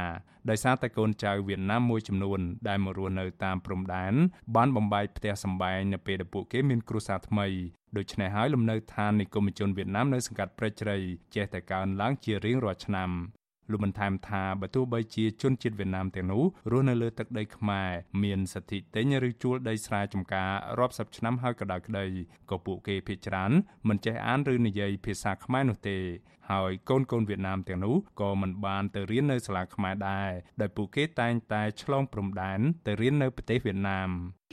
ចាក់ញៀបបានខ្មែរទាំងអស់បោះស្នោបនៅដែរឃុំបៃជ័យដល់នេះព្រោះអីឃុំបៃជ័យក្នុងវាមាន7 10គីឡូហើយខ្មែរយើងមានតែ7គីឡូទេយួនវាមាន10គីឡូហើយហើយ លោកបន្តថារដ្ឋាភិបាលមិនដែលមានវិធានការទប់ស្កាត់ការតាំងលំនៅឋានរបស់ជនអន្តោប្រវេសន៍វៀតណាមទាំងនោះម្ដងណាឡើយបើទោះជានិគមជនវៀតណាមទាំងនោះបន្តតាំងលំនៅឋានកាន់តែច្រើនឡើងច្រើនឡើងពីមួយឆ្នាំទៅមួយឆ្នាំយ៉ាងណាក្តី ក្រៅតែពីរស់នៅតាមផ្លូវជាតិលេខ 21B ប្រមាណ10គីឡូម៉ែត្រពីព្រំដែនកម្ពុជាវៀតណាមហើយនោះជនជាតិវៀតណាមរាប់រយគ្រួសារទាំងនោះក៏រស់នៅប្រមូលផ្ដុំគ្នាតាមបណ្ដោយដៃព្រែកប៉ាណាម និងដៃព្រែកខ្នាតាំងយូផងដែរជនជាតិវៀតណាមទាំងនោះចូលចិត្តរស់នៅប្រមូលផ្ដុំគ្នាហើយប្រកបអាជីវកម្មគ្រប់ប្រភេទរាប់ចាប់តាំងពីលក់ចាប់ហួយ បាយកាហ្វេជួសជុលម៉ូតូលក់ថ្នាំពេទ្យកន្លែងព្យាបាលជំងឺ និងតូបកាត់សក់ជាដើម បន្ថែមពីលើនេះដីស្រែចម្ការនៅតាមបណ្ដោយព្រំដែនភៀកច្រើនគឺជាកម្មសិទ្ធិរបស់ជនជាតិវៀតណាមហើយបើទោះបីជាដីចម្ការទាំងនោះជារបស់ពលរដ្ឋខ្មែរយ៉ាងណាក្តីក៏ពលរដ្ឋភៀកច្រើនជួលឲ្យនិគមជនវៀតណាមធ្វើស្រែចម្ការដែរ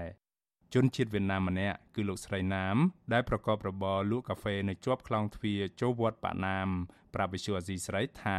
លោកស្រីគ្មានបំណងទៅរស់នៅឯប្រទេសវៀតណាមនោះឡើយព្រោះគ្រួសាររបស់លោកស្រី បានមកតាំងលំនៅឋាននៅសង្កាត់ព្រែកជ្រៃតាំងពីឆ្នាំ1980 លោកស្រីបន្ថែមថាលោកស្រីគ្មានអត្តសញ្ញាណប័ណ្ណសញ្ជាតិខ្មែរឬវៀតណាមនោះទេហើយបច្ចុប្បន្នលោកស្រីបែរជារងនឹងការរដ្ឋបិទពីអាជ្ញាធរវៀតណាមមិនឲ្យចូលទៅប្រទេសវៀតណាមវិញចេញចូលអីទេចេញចេញទៅទៅខំវាមិនទាំងឲ្យទៅហងសានឹងសុំបោវាចង់ដាច់មាត់អាថ្ងៃមួយខ្ញុំឈឺខ្ញុំដើរអត់រួចដល់អុកគូតនៅកន្លែងដើមកណ្ដុលគ្រូកណ្ដុលចំមុខប្រទាយវាបោកវាហ្នឹងគួយគួយវ៉ា តែដល់គួយវាថាយាយទៅណាខ្ញុំសុំទៅពេទ្យពលរដ្ឋម្នាក់ទៀតដែលរស់នៅសង្កាត់ព្រែកជ្រៃតាំងពីទសវត្សរ៍ទី60ប្រាវិសុវស៊ីស្រីក្នុងលក្ខខណ្ឌសុំមិនបញ្ចេញឈ្មោះនិងសម្លេងថាដោយសារតែអាញាធរតែងតែធ្វើទុកបុកម្នេញលើអ្នកបញ្ចេញមតិយោបល់អំពីបញ្ហាព្រំដែនដូច្នេះហើយប្រជាពលរដ្ឋនៅក្នុងសង្កាត់របស់លោកមិនហ៊ាននិយាយអំពីបញ្ហាព្រំដែនកម្ពុជាវៀតណាមនៅទីសាធារណៈនោះទេ ពលរដ្ឋរូបនេះបន្ថែមថានិគមជនវៀតណាមទើបតែមកតាំងទីលំនៅនៅក្នុងសង្កាត់ព្រែកជ្រៃក្រោយរបបខ្មែរក្រហមឬកម្ពុជាប្រជាធិបតេយ្យដួលរលំទៅតែប៉ុណ្ណោះពលរដ្ឋរូបនេះបន្តថានិគមជនវៀតណាម ដែលមករស់នៅលើទឹកដីខ្មែរទាំងនោះមិនបានផ្ដល់តម្លៃដល់វប្បធម៌ប្រពៃណីខ្មែរនោះឡើយក៏ប៉ុន្តែពួកគេបែរជាតាំងខ្លួនជាម្ចាស់ទឹកដីទៅវិញ។ ជាក់ស្ដែងនិគមជនវៀតណាមបាននាំគ្នាកសាងវត្តភឿឡុងតាមបែបវប្បធម៌វៀតណាម នៅលើទីតាំងវត្តខ្នាតាំងយូហើយបើទោះបីជាបុរដ្ឋខ្មែរធ្លាប់តវ៉ាឲ្យកសាងវត្តខ្នាតាំងយូតាមបែបព្រះពុទ្ធសាសនាខ្មែរឡើងវិញក្តីក៏ពួកគេមិនព្រមឲ្យកសាងនោះឡើយវិសុវស៊ីស្រីមិនអាចតាក់ទងអភិបាលខេត្តកណ្ដាលលោកគង់សុភ័ណ្ឌដើម្បីសុំការបកស្រាយជុំវិញរឿងនេះបាននៅឡើយទេនៅថ្ងៃទី3ខែធ្នូ ក៏ប៉ុន្តែអ្នកនាំពាក្យគណៈបកប្រជាជនកម្ពុជា លោកសុកអៃសានអះអាងថាបញ្ហាជនអន្តោប្រវេសន៍រស់នៅកម្ពុជា គឺជារឿងធម្មតានិងមិនគួរឲ្យព្រួយបារម្ភនោះឡើយព្រោះលោកថារដ្ឋាភិបាល បានអនុវត្តច្បាប់អន្តោប្រវេសន៍យ៉ាងម៉ឺងម៉ាត់ទៅលើជនអន្តោប្រវេសន៍ទាំងនោះវាជារឿងធម្មតាប្រទេសដែលមានព្រំដែនជាប់គ្នាជាពិសេសព្រំដែនគោកព្រំដែនទឹកនឹងតែយើងមិនអាចលុបបំបាត់បានទេហើយប្រវត្តិនៃការវត្តមានជនជាតិវៀតណាមនឹងមិនមែនទើបតែមកនៅក្នុងសម័យក្រោយឆ្នាំ79ទេព្រោះនៅតាំងពីជំនាន់បារាំងមុនបារាំងមកទៅទៀត ផ្ទុយពីការលើកឡើងរបស់អ្នកនាំពាក្យគណៈបកប្រជាជនកម្ពុជា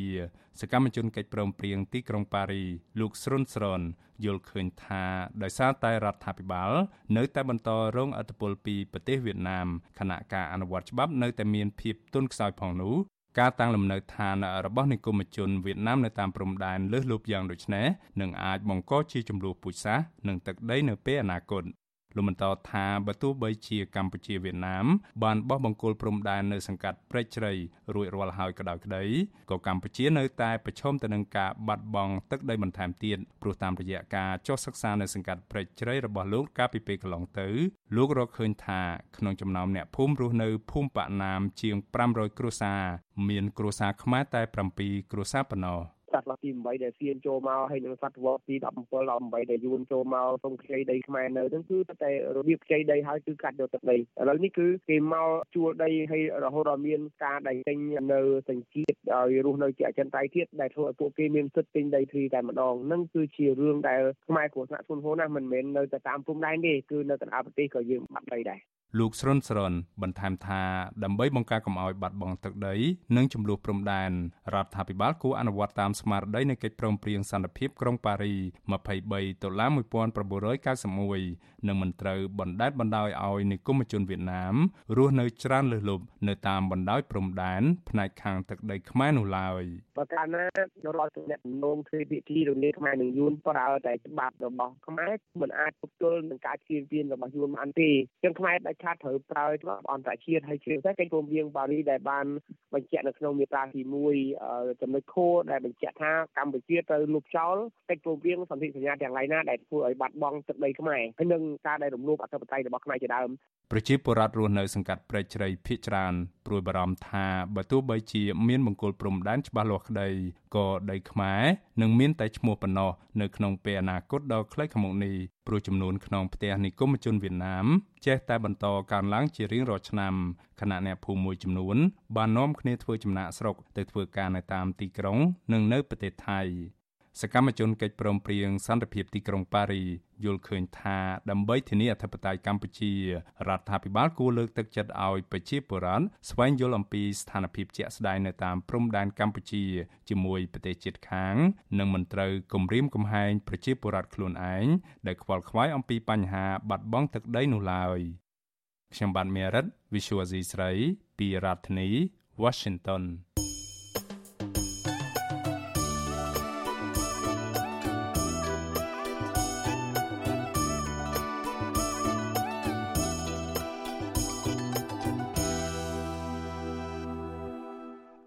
លោកអ្នកនាងប្រិយមិត្តជាទីមេត្រីលោកអ្នកកំពុងស្ដាប់វិទ្យុអាស៊ីសេរីផ្សាយចេញពីរដ្ឋធានី Washington សហរដ្ឋអាមេរិកសហភាពការងារកម្ពុជារកឃើញថាបច្ចុប្បន្ននេះមានក្រុមហ៊ុនជាង1300ដែលភាគច្រើនមានថៅកែជាជនជាតិចិន កំពុងបើករោងចក្ររកស៊ីនៅកម្ពុជាដោយមានកម្មករខ្មែរប្រមាណជាង80ម៉ឺននាក់កំពុងធ្វើការរកប្រាក់ចិញ្ចឹមជីវិតបើទោះបីជាកម្ពុជាមានរោងចក្រច្រើនបែបនេះក៏ដោយក៏មិនអាចជួយឲ្យកម្មករខ្មែរមានកម្រិតជីវភាពធូរធារ និងរស់នៅក្នុងជីវិតសមរម្យទេតែកត្តានេះបណ្ដាលមកពីបញ្ហាអ្វីខ្លះចាលោកសេកបណ្ឌិតរាយការណ៍ពឹស្ដារជុំវិញរឿងនេះកម្មករជាច្រើននៅតាមរោងចក្រនៃប្រទេសកម្ពុជាត្អូញត្អែប្រហាក់ប្រហែលគ្នាថាជីវភាពប្រចាំថ្ងៃមិនប្រសើរទេដោយសារតែប្រាក់ឈ្នួលរៀងរាល់ខែ មានកម្រិតតិចតួចហើយត្រូវយកទៅដោះស្រាយបំណុលផ្គត់ផ្គង់កូនរៀនសូត្រនិងចំណាយលើការរស់នៅប្រចាំថ្ងៃជាច្រើនទៀត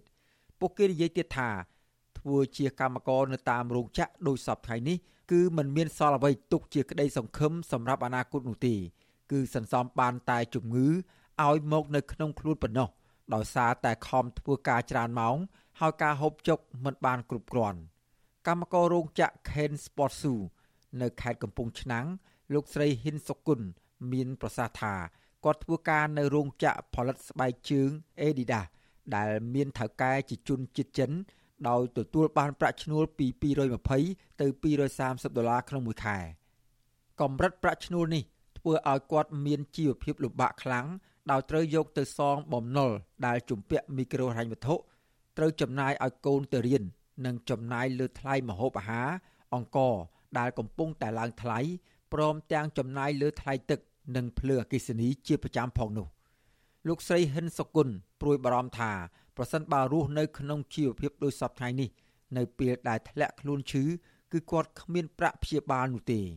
បើអ្នកខែប៉ុណ្ណឹងសង្ឃឹមអីបងមកមួនអីបានប៉ុណ្ណឹងមកគាត់តែចំណាយការហូបចុកកូនរៀនកូនអីហ្នឹងអត់គ្រាន់ផងហ្នឹងធ្វើការដល់ទៅ2នាក់នៃប្រពន្ធហើយនៅស្ទប់ទល់ចង់ឈ្នះផងនៅអត់សល់មួយខែមួយខែអត់ដែរសល់ទេបងកម្មកររោងចក្រនោះបើកមកឃើញតែមួយផ្លេតមួយផ្លេតហ្នឹងសងគេអស់អស់ហូបអត់ដល់ខែវិញផងហ្នឹង កម្មកររោងចក្រស្បែកជើង Ken Sport Shoe ម្នាក់ទៀតលោកសុកនីមានប្រសាសន៍ប្រហាក់ប្រហែលគ្នាថារូបគាត់បានទទួលប្រាក់ខែគោលតែ200ដុល្លារបូកថែមទាំងប្រាក់ថ្លៃធ្វើដំណើរ10ដុល្លារនិងប្រាក់ឧបត្ថម្ភ10ដុល្លារទៀតគឺបានតែ220ដុល្លារប៉ុណ្ណោះក្នុងមួយខែប្រាក់ឈ្នួលនេះមិនថាតែរូបគាត់និងកម្មករជាច្រើនអ្នកទៀតនោះទេ គឺសុទ្ធតែមិនទាន់គ្រប់គ្រាន់សម្រាប់ជីវភាព ដោយសារតែទំនិញទីផ្សារគ្រប់យ៉ាងឡើងថ្លៃព្រមទាំងមានបំណុលផងនោះ។ និយាយរួមទៅជីវភាពកម្មករទាំងរូបខ្ញុំពេលនេះគឺថាបានតែមនុស្សសល់គឺអត់មានទេពីព្រោះថានៅរោងចក្រខ្ញុំនៅខេត្តកុងឆ្នាំងខ្ញុំជាទូទៅមុនកូវីដហ្នឹងគឺមានការថែម៉ោងតែមកដល់បច្ចុប្បន្ននេះក្រោយពីយើងបោះឆ្នោតហើយមានការថែម៉ោងគឺដោយកន្លែងកន្លែងណាក្រុមណាឡាញណាយើងធ្វើបាន1ម៉ោង120គូទៅខាងចិនគេនោះគេឲ្យថែម៉ោងទៅខ្សែណាអត់បានចំនួន120គេឲ្យថែមទេពីម៉ោង4អញ្ចឹងលោកពូ បច្ចុប្បន្ននេះកម្មករខ្លះដែលផ្ទះនៅឆ្ងាយ បានក្រោកតាំងពីយប់ធ្វើដំណើរមករោងចក្រដើម្បីធ្វើការដោយពួកគេមិនបានហូបអាហារពេលព្រឹកត្រឹមត្រូវទេដោយសារតែប្រាក់ខែតិចតួចកម្មករខ្លះទៀតខំត្បិតត្បៀតសន្សំសំចៃមិនហ៊ានចាយវាយទៅលើការហូបចុកអាហារថ្ងៃត្រង់ផង ពួកគេបានទិញគ្រឿងកំប៉ុង ដែលគេហៅថាជាភេសជ្ជៈពើកម្លាំងមកផឹកជំនួសអាហារដោយគេយល់ថា ដើម្បីឲ្យពួកគេមានកម្លាំងធ្វើការសហជីពកម្មករបានទទួលស្គាល់ថាកម្មករភេកច្រើន បាននិយមផឹកភេសជ្ជៈកំប៉ុងទាំងនោះមែនដោយសារតែពួកគេយល់ថាគ្រឿងកំប៉ុងទាំងនោះ ជួយឲ្យពួកគេមិនងងុយគេងជួយឲ្យពួកគេមិនងងុយគេងនិងមិនអស់កម្លាំងហើយធ្វើការមិនចេះនឿយហត់ក៏ប៉ុន្តែគេព្រួយបារម្ភថានៅពេលខាងមុខកម្មករភៀសច្រើននឹងមានបញ្ហាសុខភាព ដូចជាជំងឺក្រពះនិងជំងឺទឹកនោមផ្អែមជាដើម ដែលបណ្ដាលមកពីការប៉ះពាល់ដោយសារធាតុគីមី នៅក្នុងគ្រឿងកំប៉ុងទាំងនោះប្រធានសហជីពសេរីកម្មករនៃព្រះរាជាណាចក្រកម្ពុជា លោកស្រីទូចសើមានប្រសាសន៍ថា បច្ចុប្បន្នស្ថានភាពកម្មករគឺលំបាកខ្លាំងដោយសារតែនៅតាមរោងចក្រនីមួយៗថៅកែចិន បានដាក់កំហិតឲ្យធ្វើការងារកាន់តែច្រើន និងមិនមានគោលការណ៍ផ្ដល់ប្រាក់បន្ថែមម៉ោងនោះទេ ការចំណាយរបស់គាត់គឺច្រើនកាលណាការចំណាយច្រើនហើយគាត់ធ្វើការបានថែមម៉ោងថ្ងៃបុណ្យឬមួយក៏ថ្ងៃអាទិត្យទៀតឬមួយក៏ថ្ងៃធម្មតាទៀតធ្វើឲ្យលុយគាត់នោះគឺត្រទងជីវភាពអត់គ្រប់ឃើញជាតែប្រាក់ខែឡើង4ដុល្លារហើយយើងចំណេញឡើងថ្លៃចឹងឥឡូវសូមទៅតែរៀនឲ្យលុយកូន2000កូនអត់ដឹងចាយអីហងវាបាក់ចឹងណា ប្រធានសហភាពការងារកម្ពុជានិងជាសមាជិកក្រុមប្រឹក្សាជាតិប្រាក់ឈ្នួលអបបរមាលោកអាតធុនឲ្យដឹងថា នៅក្នុងបញ្ជីបង់ពន្ធរបស់រដ្ឋបច្ចុប្បន្នមានរោងចក្រកាត់ដេរសម្លៀកបំពាក់រោងចក្រស្បែកជើងរោងចក្រកាបូបនិងរោងចក្រកង់ឡានជាដើម ប្រមាណជាង1300ក្រុមហ៊ុន ដែលថៅកែភ ieck ច្រើនជាជនជាតិចិនក៏ប៉ុន្តែលោកជឿថាចំនួនរោងចក្រអាចច្រើនជាងនេះដោយសារតែរោងចក្រខ្លះ មិនស្ថិតនៅក្នុងបញ្ជីបង់ពន្ធនៅឡើយទេលោកអាត់ធុនឲ្យដឹងទៀតថាការនាំចេញផលិតផលរបស់រោងចក្រទាំងនោះ ក្នុងឆ្នាំ2023គឺមានទឹកប្រាក់ប្រមាណ13,000លានដុល្លារអាមេរិកក៏ប៉ុន្តែបើពិនិត្យទៅលើប្រាក់ខែកម្មករវិញ គឺនៅក្នុងរង្វង់ទឹកប្រាក់2,500លានដុល្លារទេ មានន័យថា ទឹកប្រាក់ដែលនៅសល់ជាងពាក់កណ្ដាលទៀតគឺថៅកែចំណេញហើយនាំយកត្រឡប់ទៅប្រទេសចិនវិញ លោកអាត់ធុនមានប្រសាសន៍ទៀតថាវាជាការពិបាកណាស់ក្នុងការទៀមទាឲ្យដំឡើងប្រាក់ខែឲ្យកម្មករបន្ថែមទៀតនៅក្នុងពេលនេះចាប់តាំងតែពីរដ្ឋាភិបាល បានបង្កើតច្បាប់កាត់បន្ថយសិទ្ធិសហជីពហើយកម្មករក៏ពិបាកប្រើប្រាស់សិទ្ធិក្នុងការធ្វើបាតកម្មនិងកោតកម្មទាមទារនោះដែរបើទៅសួរតកែតកែណាមួយក៏ស្រ័យថាគាត់ខាតដែរប៉ុន្តែជារៀងរាល់ឆ្នាំគាត់បរិយារោងចក្រគាត់បង្កើតរោងចក្រគ្រប់កន្លែងគាត់ខាតទេតែគេខក តាមពិតទៅគឺចំពោះប្រាក់ខែនេះគឺយើងមានផែនការទៀមទារហូតដល់250ដុល្លារណោះដើម្បីធ្វើម៉េចវាទប់ទល់នឹងការចំណាយហ្នឹងប៉ុន្តែយើងស្ថានភាពជាក់ស្ដែងយើងចរចាបានតិចតួចប៉ុណ្ណោះ5រៀល10រៀល4រៀល2រៀលអីអញ្ចឹងពួកសួរអីឡើងបានព្រោះវាឡើងបានវាតលតែកម្មករហ្នឹងគាត់មានអំណាចមានអធិបុលដូចឆ្នាំ2013អញ្ចឹងពេលគាត់គឧតកម្មគេតម្លើងឲ្យគាត់20ដុល្លារ ទោះយ៉ាងណាវិទ្យុអស៊ីសេរីនៅពុំទាន់អាចសុំការអធិប្បាយជុំវិញបញ្ហានេះពីអ្នកនាំពាក្យក្រសួងការងារនិងបណ្ដុះបណ្ដាលវិជ្ជាជីវៈលោកកតាអូនបានទេ នៅថ្ងៃទី2ខែធ្នូចំណែកប្រធានគណៈបកកម្លាំងជាតិលោកសុនចន្ទធីមើលឃើញថាក្រមអ្នកវិនិយោគទុនចិនមួយផ្នែកធំ ដែលកំពុងរកស៊ីនៅកម្ពុជាមិនបានផ្ដល់ផលប្រយោជន៍និងជួយលើកស្ទួយកម្រិតជីវភាពកម្មករឲ្យប្រសើរឡើងនោះទេប៉ុន្តែក្រមអ្នកវិនិយោគចិនទាំងនោះ បែរជាផ្ដល់ផលប្រយោជន៍ច្រើន ទៅឲ្យមន្ត្រី ដែលកំពុងតែមានអំណាច នៅក្នុងជួររដ្ឋាភិបាល ដែលពាក់ព័ន្ធនឹងអំពើពុករលួយ អ្នកវិយោគិនជាជនជាតិចិនមកបើករោងចក្រនៅស្រុកខ្មែរច្រើនហើយក៏ប៉ុន្តែมันអាចផ្ដល់ឲ្យកម្មករនៅជីវភាពធូរធារទៅបាននោះទេដោយសារកម្មករទទួលបានប្រាក់ឈ្នួលពីតកែរោងចក្រនៅនៅមានកម្រិតនៅឡើយដូច្នេះសូមសំណូមពរស្នើសុំឲ្យរដ្ឋាភិបាលត្រូវពិចារណាគិតគូរដំឡើងប្រាក់ខែគោលជូនកម្មករឲ្យបានខ្ពស់ជាងសប្តាហ៍ថ្ងៃដើម្បីឲ្យកម្មករមានជីវភាពធូរធារទៅបាន អ្នកសិក្សាការអភិវឌ្ឍសង្គមមើលឃើញថា កម្ពុជាបើមានតែអ្នកវិនិយោគទុនចិន ចូលមករកស៊ីនោះគឺមិនបានធ្វើឲ្យសេដ្ឋកិច្ចជាតិប្រសើរនិងជីវភាពកម្មករធូរធារទេរដ្ឋាភិបាលកម្ពុជាត្រូវតែបើកចំហលទ្ធិប្រជាធិបតេយ្យសិទ្ធិមនុស្សសិទ្ធិនយោបាយនិងសិទ្ធិសេរីភាពបញ្ចេញមតិឡើងវិញ ដើម្បីឲ្យបណ្ដាប្រទេសលោកសេរីផ្ដល់ការអនុគ្រោះពន្ធនាំចេញឲ្យប្រសើរឡើង ទើបអាចតាក់ទាញក្រុមអ្នកវិនិយោគទុនពីប្រទេសសេរីឲ្យចូលមកបង្កើនការបណ្ដាក់ទុន ដែលអាចធ្វើឲ្យកម្មករមានប្រាក់ខែខ្ពស់និងជីវភាពប្រសើរឡើងខ្ញុំបាទសេកបណ្ឌិតវិទ្យុអស៊ីសេរីពីរដ្ឋធានីវ៉ាស៊ីនតោនលោកអ្នកនាងជាទីមេត្រីការផ្សាយរយៈពេល1ម៉ោងរបស់វិទ្យុអាស៊ីសេរីជាភាសាខ្មែរនៅព្រឹកនេះចាប់ត្រឹមតែប៉ុណ្ណេះនាងខ្ញុំសុជីវី ព្រមទាំងក្រុមការងារទាំងអស់នៃវិទ្យុអាស៊ីសេរីចាសសូមជូនពរដល់លោកអ្នកនាងកញ្ញានិងក្រុមគ្រួសារទាំងអស់សូមជួបប្រកបតែនឹងសេចក្តីសុខសុភមង្គលនិងសុខភាពល្អកុំបីឃ្លៀងឃ្លាតឡើយចា៎នាងខ្ញុំសុជីវីព្រមទាំងក្រុមការងាររបស់វិទ្យុអាស៊ីសេរីចាសសូមអរគុណនិងសូមជម្រាបលា